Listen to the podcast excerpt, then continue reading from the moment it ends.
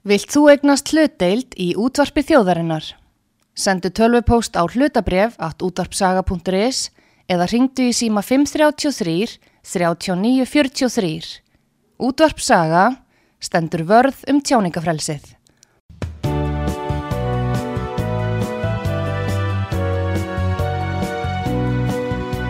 Sýteðis útvarpið á útvarpisögu í umsjón Pétur Skunlökssonar.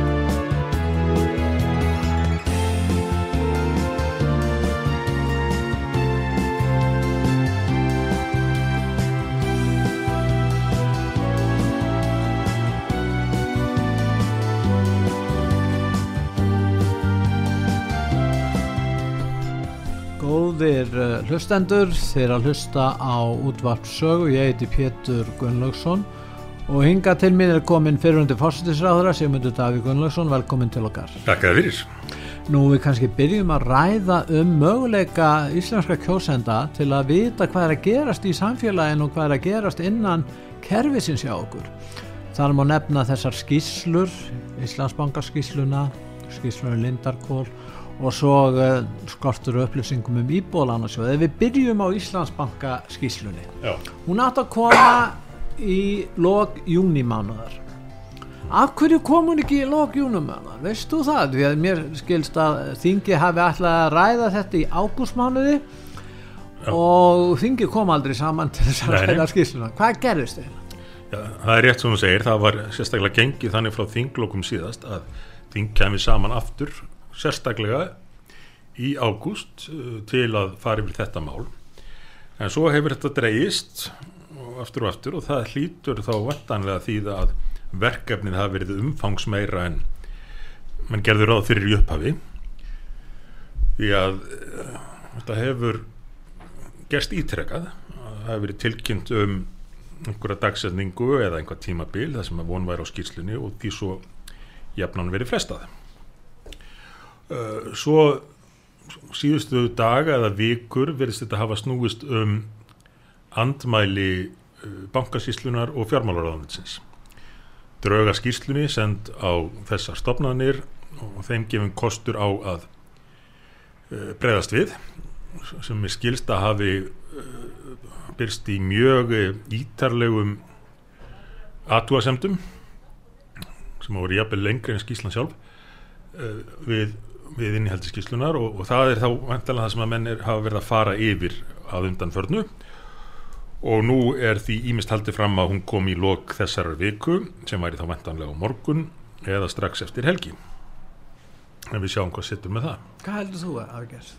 Hefur þú einhverja, hugmyndir, færið einhverjar upplýsingar annar staða frá, veist eitthvað meira um þetta mál?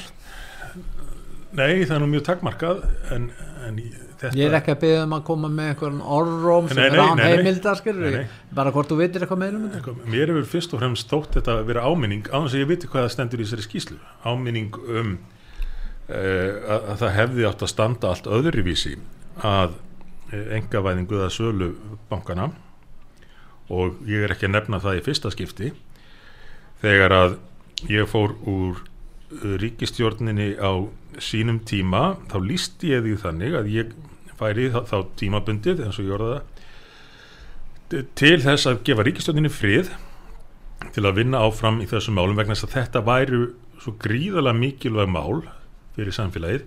Hvernig tiltækist við að vinna úr því sem við vorum þá búin að ná með þessum, þessum eh, framlugum frá slitabúnum sem að þau eru neittust til þess að aðfenda Íslenska ríkinu og þar með almenningi á núverði líklega um þúsund miljardar króna. Og það skiptir mjög verulegu máli með hvaða hætti menn inn úr þessu.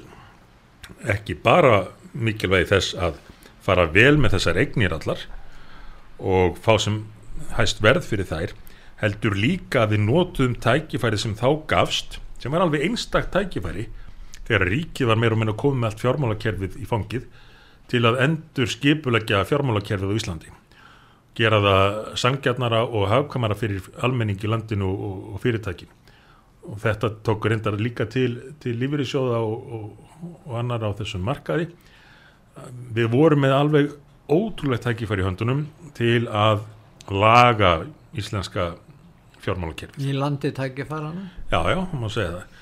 En maður hafði ekki fyrir bröðið sér að bæ, en það var tekin auðbeigja og farið beint aftur í sömu stefnuna. Hver Arjón- tók auðbeigina? Það, það var ríkistjórnin á þeim, þeim tíma þegar að þegar að var ekki lengur en pólitísk fóristæði málunu þá Var tók, það ríkistjórn uh, hérna, þá, já, þá voru sjálfstæðisflokkur og framsóknarflokkur enn í það ríkistjórn var núverandi fjármálur að það var fórstisar.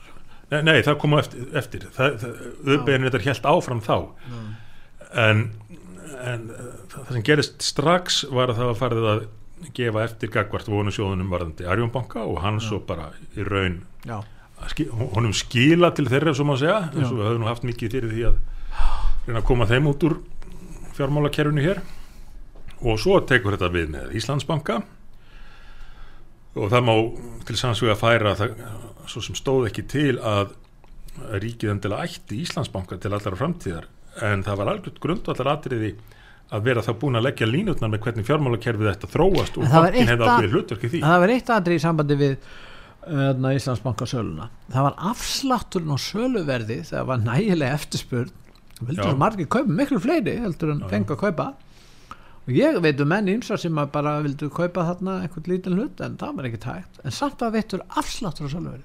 Hvernig óskupunum stendur? Ég, en það er ekki eins og lögmálum frambúð eftirspurn sé ekki til þarna Nei, nei. þegar að Og þegar að að sala á íslenskum eignum ríkisins eru annars vegar Hvað veldur til til þessu? auðvelt að, að bara þetta er svo bjóða þetta au, út, en- augljóst að það er ekki með eðlum hætti menn sk- skýra menn þetta ekki með því að þeir hafi viljað einhvers konar svo kallega kjölfestu fjárfest á einhvað, einhvað slíkt Ná. og það hefur verið mikilvægt að ná þeim hann það er þá við, við vorum með tilugu um, varðandi Íslandsbanka á sínum tíma.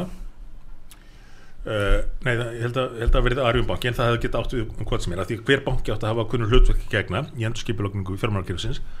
Við sögum, byrjum bara á því að afhenda öllum almenningi til japs sinn hlut í, uh, í bankanum. Já, dreifa bara brefunum Já, og, og byrjum á þri, þriðjungi og þá allavega verður til einhver verð og svo getum við afhengt restina ef, ef, það er talið skynsanlegt eða, eða gert það með öðrum hætti. En byrjum bara að láta hvern og einn Íslanding sem er fættur en ekki dáin fyrir ákveðin, ákveðina dagsetningu fá sinn hlut í bankanum og eftir ákveðin tíma þá getur fólk ákveðið hvort það vilja eiga þennan hlut áfram e eða selja hann. En e, það var það var ekki lengi var ekki nýtt frekar en svo mörgunur. En nú er það Lindarkvoll já, og það er raun og veru miklu starra mál finnst mér vera en Íslandsbanki. Nú er ekki hægt að fá skýsluna fósiti þingsins vill ekki afvenda skýsluna og það er sagt að ríkisendarskoðan vilji þetta ekki. Hvað segir um þetta mál?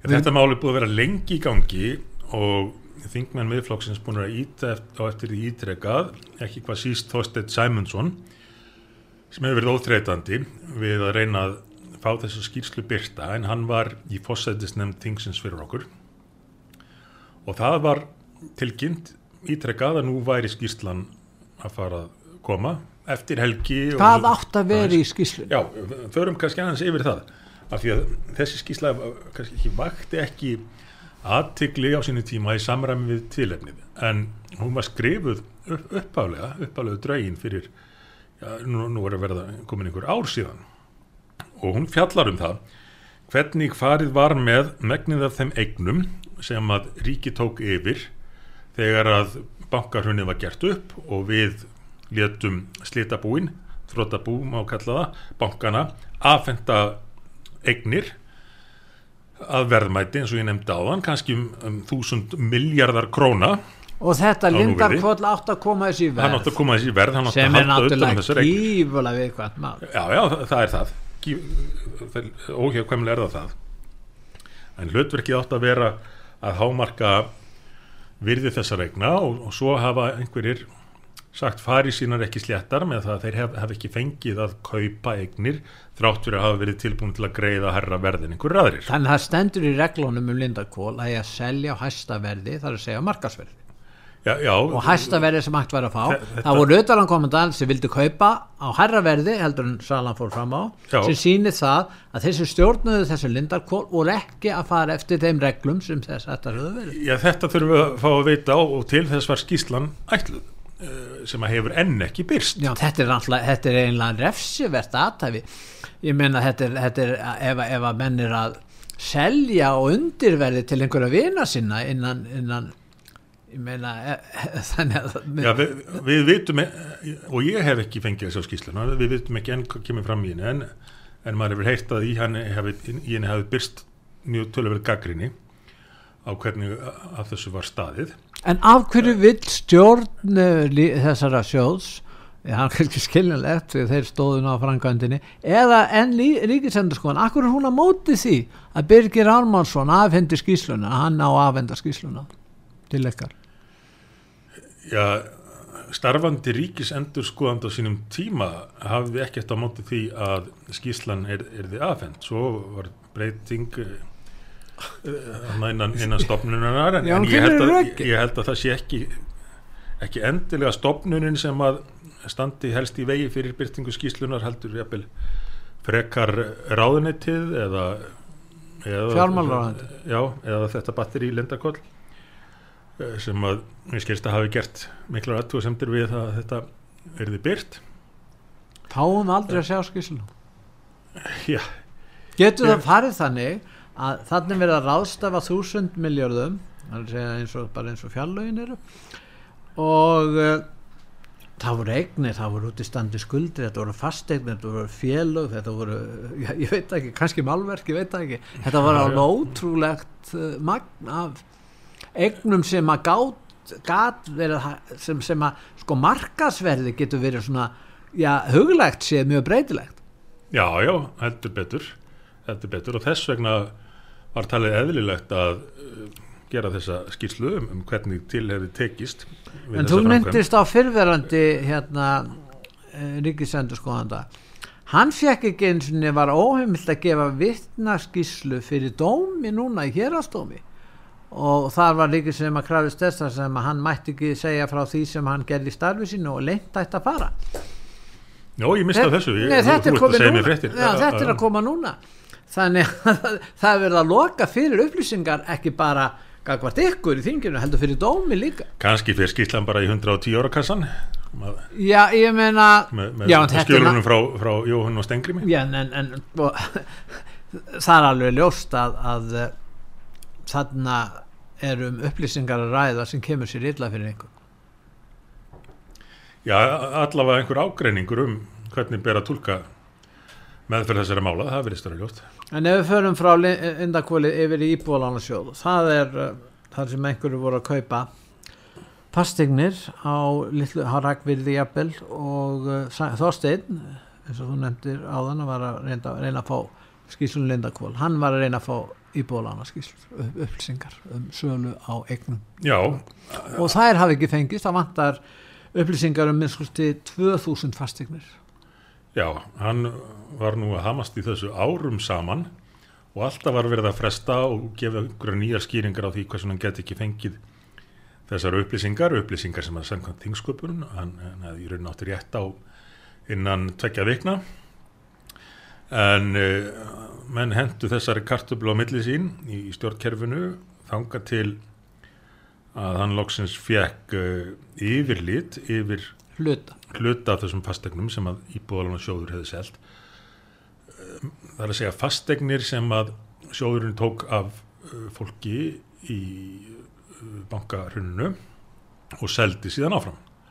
Og Þorsteinn vildi vita hvaða fastegnir voru þetta og hverjir fengu að kaupa þær og þar í, í, í því sem hann fekk byrtist uh, langur listi það sem er nú reyndar erfitt að henda reyður á því um hverjar eru ræða því í mörgum tilvíkum er það einhver fyrirtæki sem að fengi að kaupa þessar regnir og í mörgum tilvíkum á, á mjög hagstað verði að minnstakosti miðað við verð eins og það er núna þetta sjá mann ekki í þróun markaðarins fyrir en, en það voru það var talað um á sínum tíma í sumum tilvíkum ákveðin skilirðu um að ef mann fengi að kaupa egnir á mjög lágu verði þá eru þær nýttar í, sem, sem leigu egnir í, en ekki í, ekki til þess að hagnast á þeim heldur í, inn í svona einhvers konar leigu félög en svo held ég að það sé nú ekki, ekki alveg ljóst hvort að það hefur verið staðið við það í öllum tilögum En ef við sjáum þessi þrjú mál óhagnaðadrifin fyrirtæki áttu þetta að vera. við sjáum þessi þrjú mál. Já. nú er það þannig að í 2010 þá samþýtti alþingi 63.0 ég held að þú að nú setja á því þingi að, alls konar reglur sem að menn ætla að taka upp og þar var í efsta sæti gegnsæi. Innleiða gegnsæi. Það er náttúrulega ljóst af þessu sem við höfum að ræða um það er ekki búið að innleiða gegnsæi á Íslandi. Nei, nei, og hvað er hægt að gera, og hvað er hægt að gera? Ég meina nú, nú uh, þjóðin getur ekkert gert uh, ég meina hún verður að treysta á það að fulltrúarnir sem er á þinginu og hérna finni leiðir til þess að koma upplýsingum á framfæri. Því að þarna verðast vera einhver öll innan kerfisins sem geta stöðva þetta og almenningur getur ekki gert neitt. Já, já. Já, já, já, það, það er ekkit ofsugum sagt og við höfum oft rætt hér um, um vald kerfisins sem að eikst nú sífælt það hafa reyndar verið á undanförnum árum eða áratugum innleitu lög um, um rétt almennings og fjölmiðla til upplýsinga. En í þessum tilvikum sem þú nefnir þá hefur aðeins skort á að því sé fyllt eftir á, á þann hátt sem að maður taldi nú að úrskurða lagt nefndum hefði upp með. upplýsingamál tekur langan tíma að komast að niðurstöð fyrir fyrir utan það. En ég meina, hvað er hægt að gera í þessu málum? Ég meina eins og með Lindakvól ef ef við erum að tala um þarna gífulega fjárhætt ég meina e- ef að þarna hafi einhverjur einstaklingar verið að ná sér í, í kannski ekki tíu, við erum að tala um milljarða. Já, já, hugsanlega. Eh, og, og það er ekki ástæða laus að við höfum kallað eftir þessari skýslu svona lengi en ég, ég veit ekki kannski ef hún byrtist núna hvort að það verður búið að skrifa hana alveg upp á nýtt eða hvað en auðvitað er, hefði það- átt er að það möguleika að tíma. skýslan sé til og hún verði eðilöð og skrifuð önnur skýsla Já, þa- það er til- til dæmis andmælaréttur og, og slíkt sem að sem að nýjir aðilar sem væri að halda utan á skýsluna gætu þá tekið til að, að, að öðru leiti Akkur en- þarf að vera heldur en andmælaréttur, akkur ekki bara skrifu skýsla af aðila sem er treystandi til þess, svo geta menn gaggrind skýsluna á eftir þegar hún liggur fyrir, Já, já. En það, ekki með hún í vinslu ekki fyrir að menn fá einhvern andmælarétt gagvart einhverjum úrskurði meðan þegar verður að vinna úrskurðin að hálfu stjórnvars, það er áður en að gengi verður til versins Já, já, það, það, andmælaréttur er vantanlega hugsað til þess að það gefist tækifæri til þess að leiðrétta einhvað sem, að, er ránt í, í svona uh, niðurstöðum. En uh, svo er það alltaf háð mati og, því hver heldur utan um hlutina. En við getum farið þeim í hversu annan, málaflokk hælisleitendur til dæmis. Já, það erum að ræða verulega háar upphæðir sem er að fara í þennan nýja málaflokk. Já, fyrir einhverjum árum eða áratugum þá kostaði þetta ekki neitt eða mjög lítið já. núna það var að vísu það voru við vorum með þróunar aðstóð sem var svona ákveðin upphæð en núna erum við bæði með þróunar aðstóð við erum með uh, kostnað við alþjóðlega stopnanir stólega Já. fæst í vöxt og svo erum við núna með uh, náttúrulega alls konar kostnað varðandi kvótaflóttamenn sem að menn eru kannski ekki mjög ósáttu við en svo er það þessir hælisleitendur. Já, og eru núna talið að verði yfir 5.000 á þessu ári, þeir eru komin yfir á 4.000 núna skils mér. Og þá er það beitt kostnaður og óbeitt kostnaður. Og þá er spurningið þessi sem myndur hvernig getum við tryggt að almenningur Lýslandi fá að vita nákvæmlega kostnaðin vegna þess að við erum að fá hér hælisleitindur mm, margir segja algjörlega tilhæfilausar tilhæfilausir flutningar að tilefnislausu þetta fólk uh, að þá afgreiða umsóknir þessar fólks annars staðar í Evrópu þangar þeir Mm. koma þangað fyrst. Já, já. uh, Byrjum á þessum með kostnaðin já, Þetta er við byrjum á já, og við höfum nú reynd að spyrjast fyrir með til þinginu og orðið fátt um svör en nú er ég að fara að leggja fram í ítalega fyrirspurnum þetta. En það kom þó fram í fréttum nýverið að, að nú væri beinn kostnaður komin upp í 10 miljardar uh, og, og sumum það er beini kostnaður. Já, sumum þótti mikið sem það auðvitað er en uh, þá er ekki tekið með í reikningin hinn ímsi uh, afleiti kostnaður sem bætist við og kostnaður sem hann kannski lendir á sveitafélögum, kostnaður sem lendir á heilbreyðiskerfinu, mentakerfinu og samfélaginu og og löggjastlunu og þar fram til að annað, þessi tala segir, eh, segir okkur takmarkað um raunverulegan kostnað og þetta er ekki nýtt til komið. Ég hef uh, skammast yfir þessu menn ég sé frá því ég var í ríkistjóð þessari tilneyingu kerfisins til að fela kostnaði við þennan málaflokk. Uh, og, og því vorum að vinna fjárlug til dæmis á sínum tíma að þetta hafi ekki verið orðið nærrið því svona stort mál þá og langt, langt frá því þá, þá samt efaðist maður alltaf um kostnaðin þegar að þegar verið var að ganga frá fjárlum en byrju telið í raunverulega með þennan fjölda þetta verði bara kostnaðin sem þá var þá kom fram. Og, og, og það kom alltaf á daginn að beini kostnaðurinn reyndist vera miklu meiri en gert var að fyrir fjárlum Já. svo ekki sé minnst á, á kostnaðin sem, að, sem vitum er falinn bara í helbri, útgjöldum til helbriðismála útgjöldum til almanna trygginga útgjöldum til mentamála hver. já, já. Og, og við þurfum að auðvitað að huga þessu eins og öllum öðrum ríkisútgjöldum því að hlutverk þingmanna er alltaf að forgangsraða og velja í, í hvað uh, fjármagn nýtist best. Svo verða menn sem eru voða reyðir þegar að útgjöld til þessa málaflokks eru sett í samhengi við stöðu til dæmis öryrkja eða eldri borgar á Íslandi og þá tjúlast menn alveg yfir því Akkur, að akkur, að akkur heldur þú þessi akkur með, akkur, ekki fara fram eðlileg og skinsamleg umræða um ráðstöfun af fjármunum hins ofnbjörn Já, hún er algjörlega nöðsynleg og ætti að vera og, og, og þess vegna er svona bagalegt að, að við höfum ekki heldar yfirsýn yfir þetta en við reynum að áfram að uh, knýja á um það.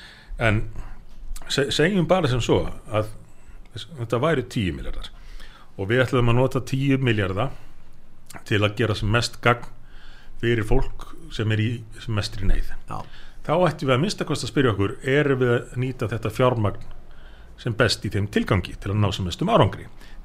Svarið er augljóslega nei, við erum ekki að því. Vegna þess að e, hér er búið að koma á því fyrirkomulagi og senda út þau skilaboð frá íslenskum stjórnvöldum að Ísland er orðið mjög, á, mjög eftirsóttur áfangastadur þeirra sem að meðan að skipulegja ferðir fólks í rauninni selja ferðir til Íslands. Það eru glæpamenn sem gera það. Já, og stundum og reyndar held ég allt of oft með uh, kröfum um að fólk þá ge gerur upp skuldir sínar fyrir að hafa komist alla leið síðar með því þá að vinna hugsanlega svörtu markaði eða Nei, í vændi eða einhverju annars líku já, til dæmis. Það er eru gert á Ítalíu, það. það er þekkt Já, já. Og, og, og það var kannski ekki alveg ástæðalausu vakti nú aðtikli fréttum þegar verið var að, að færa fólk til útlanda að símarnir voru teknir af fólkinu. Það var, og, og einhvern fannst það förðulegt að það, þegar lögurinn sagði að það hefur gert fyrir öryggi þessa fólks það var vantanlega vegna þess að lögurinn vildi ekki að einhverju sem væri hugsanlega að fylgjast með þessu fólki Já, uh, vissu hvar það væri statt. Já, og, og þetta fyrirkomlag sem er hér á Íslandi gengur í algjörlega berhögg við það sem hinn Norðurlöndin hafa verið að gera sérstaklega Danmörk en núna líka Svíþjóð og, og Noregur og Finnland að, að verlu leiti sem gengur út á það að reyna að koma í veg fyrir að það séu seldarferðir til þessara landa eins og, eins og Mette Fredriksen fósettisræður að Danmörkur orða Danmörk má ekki vera sölu var að glæpagengja. Þess vegna var markmið ríkistjórnar hennar að enginn kæmi til Danmerkur til að sækja þar um hæli. Danir myndu áfram taka á móti flottamönnum já. Þeir myndu stjórna því. Kvóta flóta já, já, fólki sem að væri Gegnum raunver- saminnið þjóðana, flóttamanna hjálp Já. saminnið þjóðana Það var búið að ákveða fyrirfram og móttökuríkið velur þá flóttamenn akkurat. Já, svo Og fólk þá- skilji munnin sko. Akkurat, akkurat, mikilvægt að það komi fram. Þá, þá vita stjórnvöld um hvernig er ræð og þau vita um raunverulegan flóttamann Já, er það ræða. Hér er þessu öfutvarið og Ísland auglýst sem vænlegur áfangastæður þeirra sem að vilja reyna fyrir sér sjálfur uh, og uh, byrtist í því að nú stefnir í, eins og þú nefndir, yfir 5.000 hælisleitundur á þessu ári. Hluti af því, talsverður hluti auðvitað Úkrænumenn sem, sem er eðlis ólíkt af því að um, gilda sérst, um þá gilda sérstakar reglur.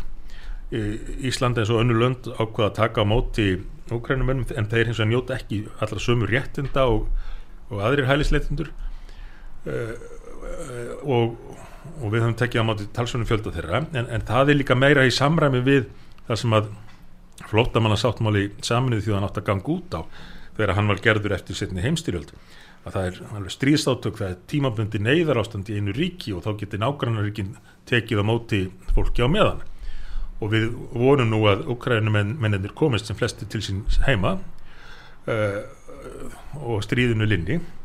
En, en hitt er alveg eðlis ólíkt og einhvað sem að menn sá ekki fyrir þegar að flottamanna sáttmálum var gerður á sínum tíma.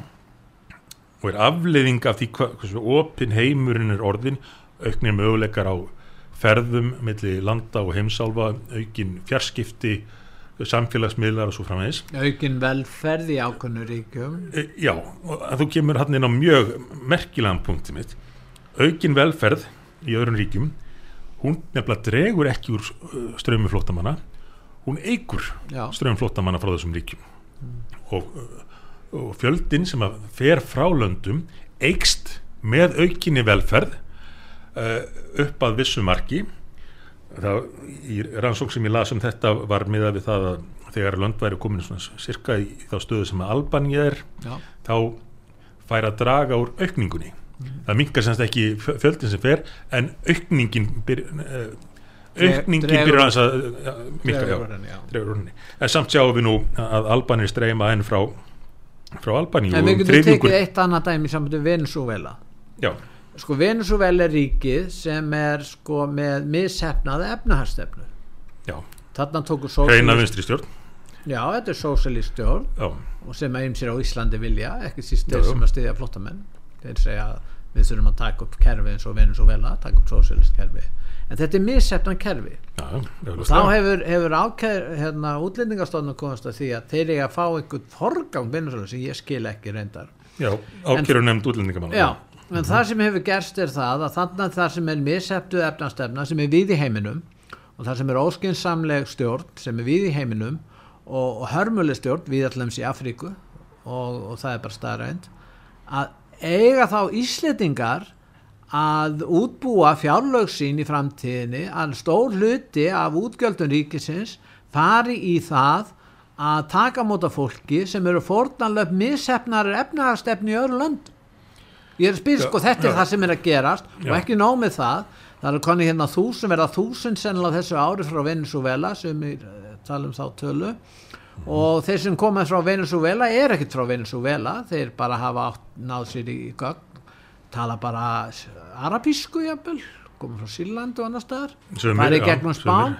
Ég meina það er alveg ljóst að þessi stefn sko við erum ekkert betri í, í, í, í málefnum hælisleita heldur um venus og vel er í efnarsmál sko bara orða það þannig. Já, já, það er nefndar alveg rétt. Eh, það, það er ekki algjör ástjórn í þessum málaflokki hér. Og eh, ef að ef að við mörgum þá stefnu að það eigi að taka á móti fólki sem kemur frá löndum þar sem að lífskjör eru miklu lakar en á Íslandi en sko vel að gætu lífskjörum verið með þau bestu vegna þess að þau leika mestu olíubrið sko þetta er bara reyna heima tilbúin mandi hjá þeim. Og já, við hefum að taka honum. Já já já. Og, og þá veltum maður fyrir sér hvar ætlar fólk að draga mörgin því að ef að það er úrskurðað svona um Venezuela þá er fjöld í annar á landa og miklu fjölmennar á landa. Við tökum bara eitt dæmi, Pakistan það sem að efnaðs ástand og, og stjórnarfarir kannski uh, sambærilegt hvað var það einhverja, einhverja lista yfir, yfir tekjur og einstakling Já. og, og öryggiðar og, og slíkt. Uh, hvað ef að þessi úrskurðunemnd myndi úrskurða það að allir sem að vildu koma til Íslands frá Pakistan ættu rétt á hæli hér? Já. Eh, eða Afganistan. Eða, já, Bangladesh, þú getur Honduras, El Salvador, þú getur endalist talið já. upp. Hæti til dæmis. Já, já þetta taka bara hæti sem dæmi en hvað er alltaf minn þá að draga mörgin hversu mörgum? það myndi örgulega 95% af hætibúum vilja koma til Íslands. Ég fullir það. Já, já, ástandir þar, ég, minna, ég held að séu 2-3% sem var í grunnskóla. Já, og eðlilega, sko, maður skilur halvig að ef að fólki stendur þetta bóða að flytja til miklu meira velmjöðandi lands þá, þá vil ég að gera það, maður myndi gera það sjálfur. Ef, ef maður ekki í einhverjum það er bara sjálfsberga viðleitni sko já, en, en þá komum við aftur að þessu sko, hvað getum við gert? Hverjir eru burðir okkar í þessu? Og hvernig nýtum við besta fjármagn og þá möguleika sem við höfum til þess að hjálpa? Og gera það sannarlega ekki með núverandi kerfi, núverandi óstjórn sem að e, felur þessi mjög óheppilega kvata En, en Simundur, óstjórnin heldur áfram meiri segja til dæmis að nýlega landsfundu sjálfstæðisflokksins hmm. og minna auðvitað hefði á þessum landsfundi átt að koma fram skýr stefna í þessu máli Já. en það kom alls ekki fram og ekki heldur kom fram aðferð við það að ákveða það hver stefna nyrði Nei, sko, ég, ég, ég var svolítið slegin yfir því að sjá þetta frá sjálfstæðislóknum aðtiklinn fóru þetta mest í, í formanskjöri en maður átti þó vona á að flokksmenn þar á, þessu landstingi myndu, eða landsfundi myndu að einhverju leiti taka á þessum málum. Svo kom stefna frá Valhöll eða frá málverfna nefndinni sem að hafi undirbúið þetta fyrir fundin og ef ég hefði lesið þá stefnu eh, til samanburðar við stefnu samfélkingarinnar um það sama án þess að vita hvort væri frá hvaða flokki ég hef ekki getað gískað á hvort væri sjálfstæðisflokkurinn og hvort væri samfélkingin því að þetta var í raunin í grunin nákvæmlega eins ja. nema hvað sjálfstæðisflokkurinn bætti því við að það ætti að, að, eh, gera átaki að fjölga hér kvótaflottamönnum líka líka án þess að taka á hinu Nei.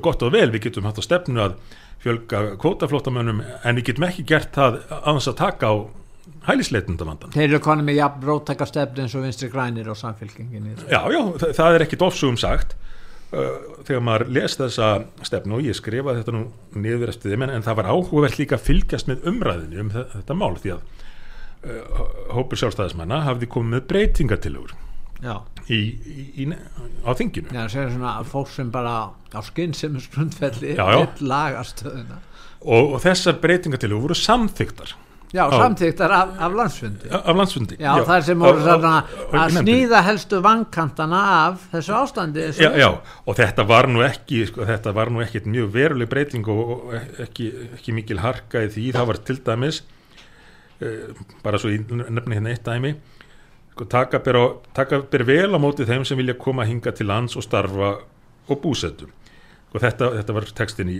upprunalegu upprunalskjölunum, taka ber vel á móti þeim sem vilja koma hinga til lands til starfa og búsettu og svo vildu þeir bæta við eftir því sem framast er und og innviðir bera.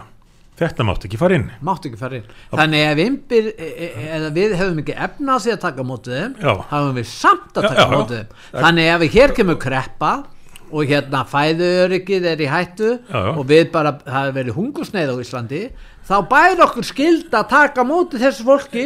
Meða við þetta. Jafnveg þóttu við gætum ekki syndi og það var nú á, áréttað í raunni í umræðum þetta því að hvað gerði sjálfstæðisflokkurinn? Þegar búið var að samþykja þessa breytingatilur málið var tekið aftur fyrir bara eins og Európa-sambandi gerir þegar það fær ekki rétt að niðurstöðu. Og fundurinn allur látin greiða atkvæði aftur. Já. og eitt var það hægt? Já, með, með, með e, undanþáu frá fundasköpum þessa fundar. Já. það var samþýtt semst látið samþykja undanþáu og eina skýringunum sem var gefað svo að þetta hefði verið samþýtt breytingatilan hefði verið samþýtt svo snemma morgun að sús, un, ungu sjálfstæðisminnir hefði ekki verið vaknaðir til, til að mæta til að einlega þessa stefnu flokksins. Já. og þannig að þetta er tekið fyrir aftur og að áeggjan formans málarinn nefndarinnar formans samræmingar nefndarinnar sem að sögðu sko eitthvað á þá leið að það var í hræðilegt ef þessi skilabúð færi út af landsfundi sjálfstæðisflokksins þessi stefna sem byrtist í, í breytingatelunni sko, sára minnlegu stefna um, um að taka tillit til aðstæðina uh, og, og meira sé að dómsmálar á þeirran blandaði sér í málið í tvígang til þess að knýja áum að breytinga til það sem búið var að samþykja er því fælt og þetta voru þetta, mikið vombriði því að maður er alltaf vonast til þess að, að flokkar hér á Íslandi, ekki bara niðurflokkurinn heldur, vonandi sem flesti flokkar fara ná áttum í þessum málaflokki í stað þess að halda bara áfram að auka á vandan og dragur möguleikum okkar á að hjálpa þeim sem að eru í, í mestri neið Góðir hlustendur, er að hlusta á útvarssögu, ég heiti Pétur Gunnlaugsson og gestur minn í þessum þætti Simundur Davíð Gunnlaugsson, hann fyrir verðandi fórstisráðra og við ætlum að hlýða núna auðlýsingar og eftir auðlýsingar höldum við umræðinu áfram.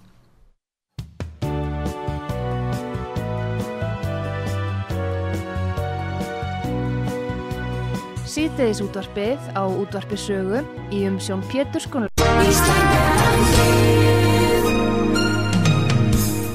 Styrtareikningur útvarpsögu í Íslandsbanka á Granda. Útubú 513, höfubók 26, reikningur 2.11.11. Nánari upplýsingar á útvarpsaga.is. Takk fyrir stöðningin. Útvarpsaga.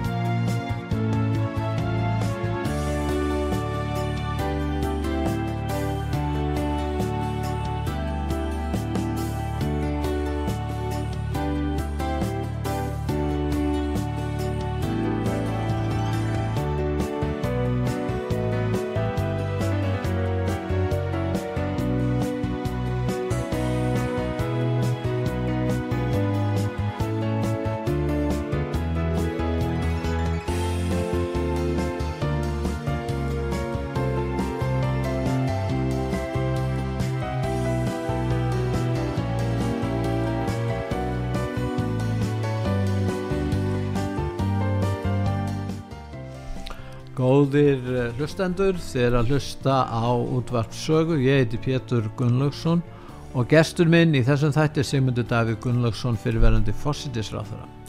Nú Sigmundur við erum að ræðum málefni útlýtinga hér á Íslandi og eh, þú varst að tala um stefnu sjálfstæðismanna. Nú það vilist vera að flestir flokkar vilja einhvers konar já, hálf opinn landamæri hér og það var samþýtt á sínu tíma eh, lögum málefni útlýtinga og hérna en uh, hver er afstafa ykkar í miðflokki? Þú nú formaði miðflokksins og þingmaður.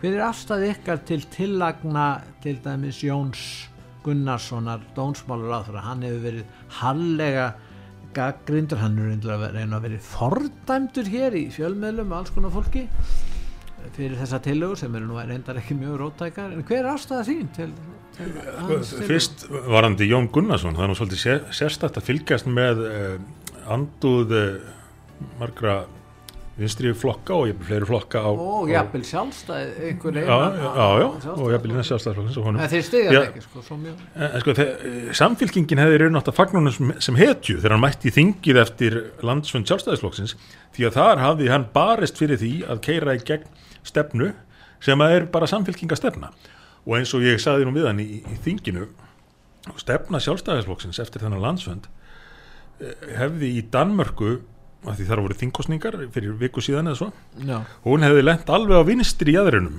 uh, meðal allra vinstri sinnustu flokkana sem að þar náðu kostninga á þing mm. og, og þetta uh, veldur mér talsverðum áhugjum því að þetta, þetta er vísbending að þetta fari svona hjá sjálfstæðisflokknum og öðrum flokkum vísbendingum það að Íslendingar eða íslenski stjórnmálaflokkar flestir ætli sér bara ekkit að læra af reynslu annar á landa. Og allra síst af reynslu til dæmis Dana. Og Svíja og, og Svíja, já. Þú spyrð hvað vil ég sjá þessu? Ég, ég myndi vilja að við tækjum upp stefnu í líkingu við einfallega stefnu danskara jafnaðamanna ég hef búin að fara vel yfir hana ítrekkað, búin að ræða hana alltaf í þingin á undanförnum árum.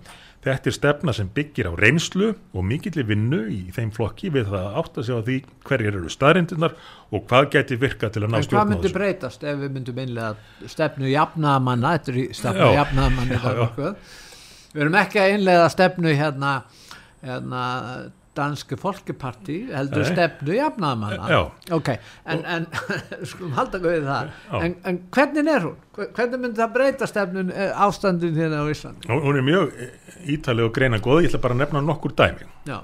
í fyrsta lagi þetta sem ég kom aðeins inn á aðan um það að teknir verði burt allir kvatar til, til þess að fólk mæti til landsins til þess að sækja þar um hæli uh, og að því marki að taka upp stefnum að ef fólk gerir það þá verður það einfallega sendt í um, móttöku stöðvar annar staðar í öðrum löndum og geti Er það ástralíu stefnan, eins og ástralíu ja, svolítið, svolítið þannig Þeir eru sendu það til annara landa Þegar bátunir voru að koma já. og fólk var að drukna já. þá tók ástralíu upp á því að snúa bátunum við og fara með á í einhverja móttökustöðar annar staðar og ströymurinn hætti en, en já, þetta er kannski ákveð grundvallaradri í þessu að beina þessu inn í þann farveg að teki sig á móti fólki sem að við veljum að við höfum stjórn á landamærunum getum bóðið hingað uh, fólki fremur en að landið sé sölu bara þeirra sem að skipulegja þessar ferðir Já. en danirnir taka líka á því sem að er kannski enn og viðkvæmt mál til þess að ræða yfir höfuð á Íslandi sem er mikilvægi aðlugunar og að þeir sem að vilja flytjast til landsins og setjast þar að lægi sig að dönsku samfélagi. Fremur en uh, að dansk samfélagi eigi að laga sig að þeim. Hér heyrir maður mjög takmarkað umræðum þetta en þetta eru þetta gríðalega mikilvægt mál. Ekki hvað síst fyrir svona fáment land þegar að ströyminu til landsins nefnur þúsundum núna á ári. Að við höfum skýra stefnum það að þeir sem að vilja setjast hér að þeir lægi sig að í samfélagi sem hér er fyrir. Og það er farið ítalegi í, í það í, í stefnu jafnaðamannana dansku hvernig það er að ganga fyrir sig. Eins eru ákvaðum það að um enn brjóta af sér á meðan að þeir eru með stöðu, stöðu umsækjenda þá verður mísað úr landi og að ef að fólk er staðið að því að að misnota kerfið þá missið það réttindi. Það er semst verið að taka á öllum þessum endalösu frestunar ákvæðum sem eru nú líklega hvergins mörg á Íslandi endalösum möguleikum til að framlengja dvöld því það er eitt af því sem hefur mest áhrif á hvert fólkin er beint. Það er hversu mikil tækifæri hefur þið til þess að fresta niðurstöðu. Og hefur tækifæri eins og hér til að fresta niðurstöðu jafnvel eitt og hálft ár, tvö ár, Nei, fer fram er, er eitt ár þá verður að taka afstöðu til inn, já, já þeir setja tímamörk á það er í lögunum eitt ár. Lögunum íslensku. Já, já lögunum, ef þú ferði yfir eitt ár og, og gert kannski felum þess vegna, ég meina, þú verður einhverstað og svo ertu búin að rétta og, já, já. og, og sko annars hefði málið bara að þú verið sendur úr eða við komum að dæli sendur verðs að búið að, að afgreiða mál hans eh, um, um, umsóknum um alþjóðlega vend já. en núna getur hann farið fram á efnislega meðferð og á meðan verður ríki að sjá fyrir Já, það, en það er nú með til margt sem stjórnleysið í þessum málaflokki á Íslandi að, að það er ekki einu sinni lögin sem eru til stað og reglurna sem eru til nýttar eru ekki einu sinni og reglurna sem eru til staðar eru ekki einu sinni nýtt. Uh, og uh, menn festast í, í þeirri stöðu að taka á endanum afstöðu til mála út frá því hvort að þau komast í fjölmiðlað ekki. Já, og það, það er engin leið til þess að, að það er til að vekja upp tilfinningar já, já. og það er, svo, er ekki stóra vandamálið í þessu eins og kannski öðrum málum líka að það er ekki hægt að láta fara frá málefnanlega umræðu vegna þess að menn fara beinleis með ósannindi. Þar lefum því er haldið fram að allir þeir sem fara til Greiklandsleind á götunni þetta er ósannindi. Það kemur alveg fram að það hefur komið fram lýsingar á því. En, en svona er umræðan og ef menn hafa aðra skoðanir heldur en þeir öfgafylstu þá fá menn yfir sig svífyrðingar og, og alls konar nafngiftir og, og mjög ósangjarna umfjöllun. Og þannig að fólk vill ekki taka þátt í slik Nei, nei. Og, og, nei, nei, ég veit það. Og það sem þú ert að tala núna þú getur fengið á þig árásir fyrir þetta. Já, já, ekki spurning. Eh, það að benda á staðrindir í þessum málaflokki kallar á árásir vegna þess að, að styðja jafnamannaflokkin í Danmarku í bálum þessu. Akkurat. Þú getur orðið fyrir miklum árásum Já, En þeir kallar aldrei- tala þannig um jafnaðamannaflokkinni því að þegar þeir spurðir að því íslensku kratarnir eða jafnaðamenn á Íslandi mm -hmm. því, því, nei, við gerum það alls ekki Nei. en þeir gagnrýna þá ekki þeir kallaði ekki jafnaðamenn í, í Danmörku fasista Nei, nei. og nínasista ég hef ekki, hefur þú heyrtu það? Nei, nei, þeir hafa ekki Akkur gera þeir það ekki? Það er ekki Geta þeir sama ekki hver sýnt er. eitthvað samræmi í þessar hugsun hjá þeim? Það er ekki saman hverju er þegar kemur þessari stimpla politík Nei, en eh, ef við snúum okkur öðru máli núna, þess að við erum búin að tala svolítið um þessi mál og það er umhverfismálin. Já. Nú var uh, rástefna, það var Glasgow rástefna í fyrra og síðan var Parísar rástefnan á sínu tíma um umhverfismálin og núna var þetta haldið í Cairo Mhm. og þanga fóru Íslendingar held í 45 á vegum hins operaði 44 og við erum þetta þjóðfélagið íslenskir skattlendur er að borga þetta. Og hvað var eh, það, 50 miljónir er það ekki? Já, ég ekki, svo náttúrulega fleiri sem fara þarna. Eh, fara þangað en uh, kom eitthvað út úr þessu, skiptir þetta einhverju máli? Og getum við ekki alveg rætt um þetta gegnum fjarskiptabúnað og með öðrum hætti? Akkur, akkur, Já, já, já. Sko, hvað kom út úr þessar rástefnu, er veistu það? 26 Núna þessari, nei, þessari nei, Kæru númer 26. rástefnu þessari Kæru rástefnu Já, Kæru, hún stendur náttúrulega þá en vikum út úr- saman. Já, uh, og ég er náttúrulega hættur um að komi til til að lítið út úr því því þetta er 27. loka tilrunin til að bjarga heiminum að mati þeirra sem að standa fyrir þessu. Og alltaf er, er því spáð að heimsendir sér handan við hollið. Já, og svo þurfa minna reyndar eins og aðrir heimsenda spáminn alltaf að færa heimsenda dagsetningun eftir því sem tíminn líður. Já, en uh, þessi, þessi ráðstefna er orðin svona fyrst og fremst finnst mér að, að síningu að, og þetta er orðið árlega núna uh, síningu til þess að auglýsa málaflokkin þó að það kom ekkit sérstaklega mikið út úr þessu. En þetta skilar þó því uh, frá sjónarhóli þeirra sem að standa að þessu að lönd uh, senda einhverja tilkynningar um, um markmið og slíkt og fyrir síðustu ráðstöfnu nummer 26 sem var haldin í Glasgow í, Já. fyrra var það ekki já, þá sendu Íslensk stjórnvöld frá sér mikið plagg sendu það út uh, og lýsir markmiðum íslenskra, íslensku ríkistjórnarinnar í lofslagsmálum. Þetta plagg held ég sér bara til á ensku, ég hef ekki fundið það á íslensku.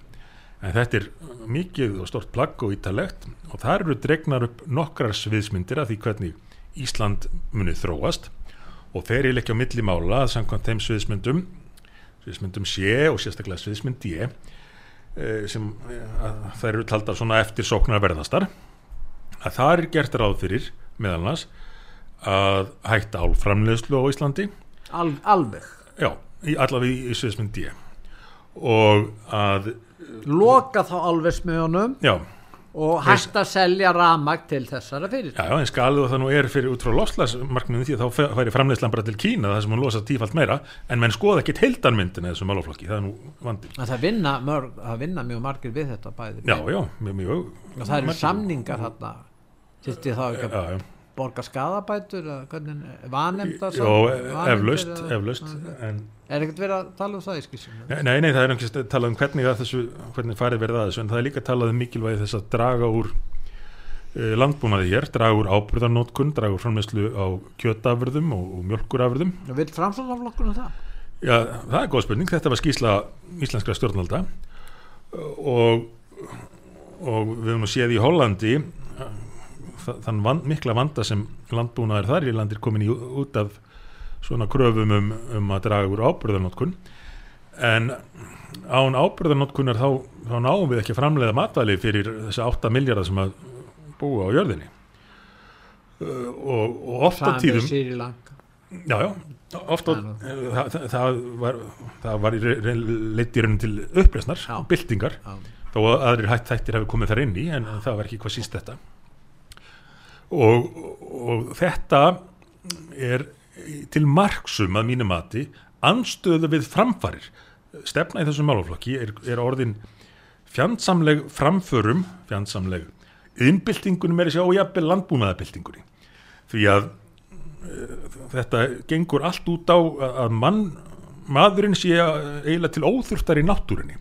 Og þannig byrtist í þessari skýrslu íslenska stjórnvalda fyrir síðasta fund að það þurfi að draga úr neyslu uh, fólks og það þurfi að ferðast minna, uh, gera færra til þess að, að minga losun og oft fer þetta út í að vera beinlins mannfjandsamleg stefna. Lausnin á þessu eins og öðru hlýtur að byggjast á framförum og tækni. Það er það sem hefur skilað okkur mannfólkinu árangri til þessa. Heimurinn er ekki við það að farast. Við þurfum að taka á umhverfismálum en við þurfum að gera það af skinnsemi og af framfara þrá en ekki með aftur hverfi En Sigmundur, við vorum að tala um kostnaði í sambandi við hælislindur hver er kostnaðurinn af þessari stefnu um að lofslagsbreytingar stafan án á steingöngu að mannavöldum og Íslenska ríkistjórnin undirstjórnu þetta fossitisráðurann sem er uh, mikill hérna, hérna mikill hérna stöðnismadur rótækrar stefnu í umhverfismálum. Hvað kostar þetta uh, hlustendur hér sem eru skattgræðindur í þessu landi? Já. hvað kostar það á ári? Kostnaðurinn er gífurlegur en, en rétt eins og í hinnum málafloknum þá er hann að miklu leiti falin en þó byrtist í fimmar áallun ríkistjórnarinnar kostnaðurinn mat upp á 50 miljardar 50 miljardar á fimm árum. Uh, og það eru 10 miljardar á ári já, já, það. En er það ekki En- meira? já, enn og aftur það er kannski ekki tekið tillit til raunverulegs kostnaðar til dæmis ekki tekið tillit til þess hvað það kostar samfélagi að þurfa að greiða síðan þærri uh, En- en græna skatta og göld Já, en átti getur að hækka? Hvernig er það með við þessar áallanir jó, ert þau að státa sig af því þau státa sig af því að Með þessari að skýrslu stefna því sem að var hækka sendt til Glasgow Já, á COP26 já. Þau gera ráð fyrir að þetta fari jafnt og þétt hækkandi og það til dæmis byrtist í fjárlugunum núna, þar sem að ríkið er að fara að slá all með í, ríkisútgjöldum að það eh, þeir, þeir státa sig af því, já, þau að ætla að hækka útgjöld til þessa málaflokks án þess að þó að ná nokkuð tíman almennilega að útskýra hvernig þetta, þessi útgjöld öll er nýtast. En við vorum að ræða þetta í þinginu áðan lofslagsráð þegar hann kom og flutti skýrslu um stöðu lofslagsmála Já, og státaði sig af því að hann væri með 13 undirstofnanir og eh, 500 stöðugildi og raunar fleiri, fleiri störf en það til að fást við þennan málaflók.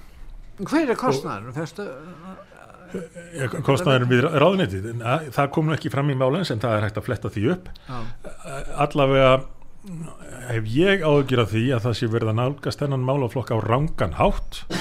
Eh, Það sé að verða til í kringum þetta heilmikið bák, heilmikið kerfi eh, fremur en að við reyna með íta undir jákvæða kvata og stuðning við og rannsóknir og þróun og lausnir eh, í umhverfismálum það sem ég held að við Íslendingar og, ve og veit það svo sem við vitum það, höfum heilmikil tækifæri Eh, en, en þessi stað þá þá er ráðist í aðgerðir að borði það að eðilegja rektaland með því að mókomin í skurði.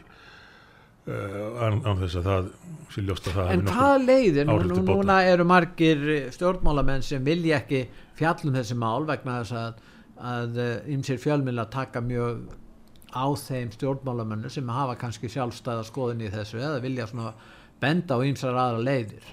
Já, Eh, Verðum við ekki bara að búa við það íslendingar, bæði sjálfsagt í þessum innflytjandamálum sem við erum búin að tala um og líka varlandi hérna lofslagsmálin að, halda, að þessi útgjöld halda áfram að fara vaksandi og, og meiri hluti þingsins ekki bara hjá ríkistjórnun heldur líka kannski eftir vil hjá, hjá stjórnarnastöðunni eru hlindir þessari stefnu. já, já.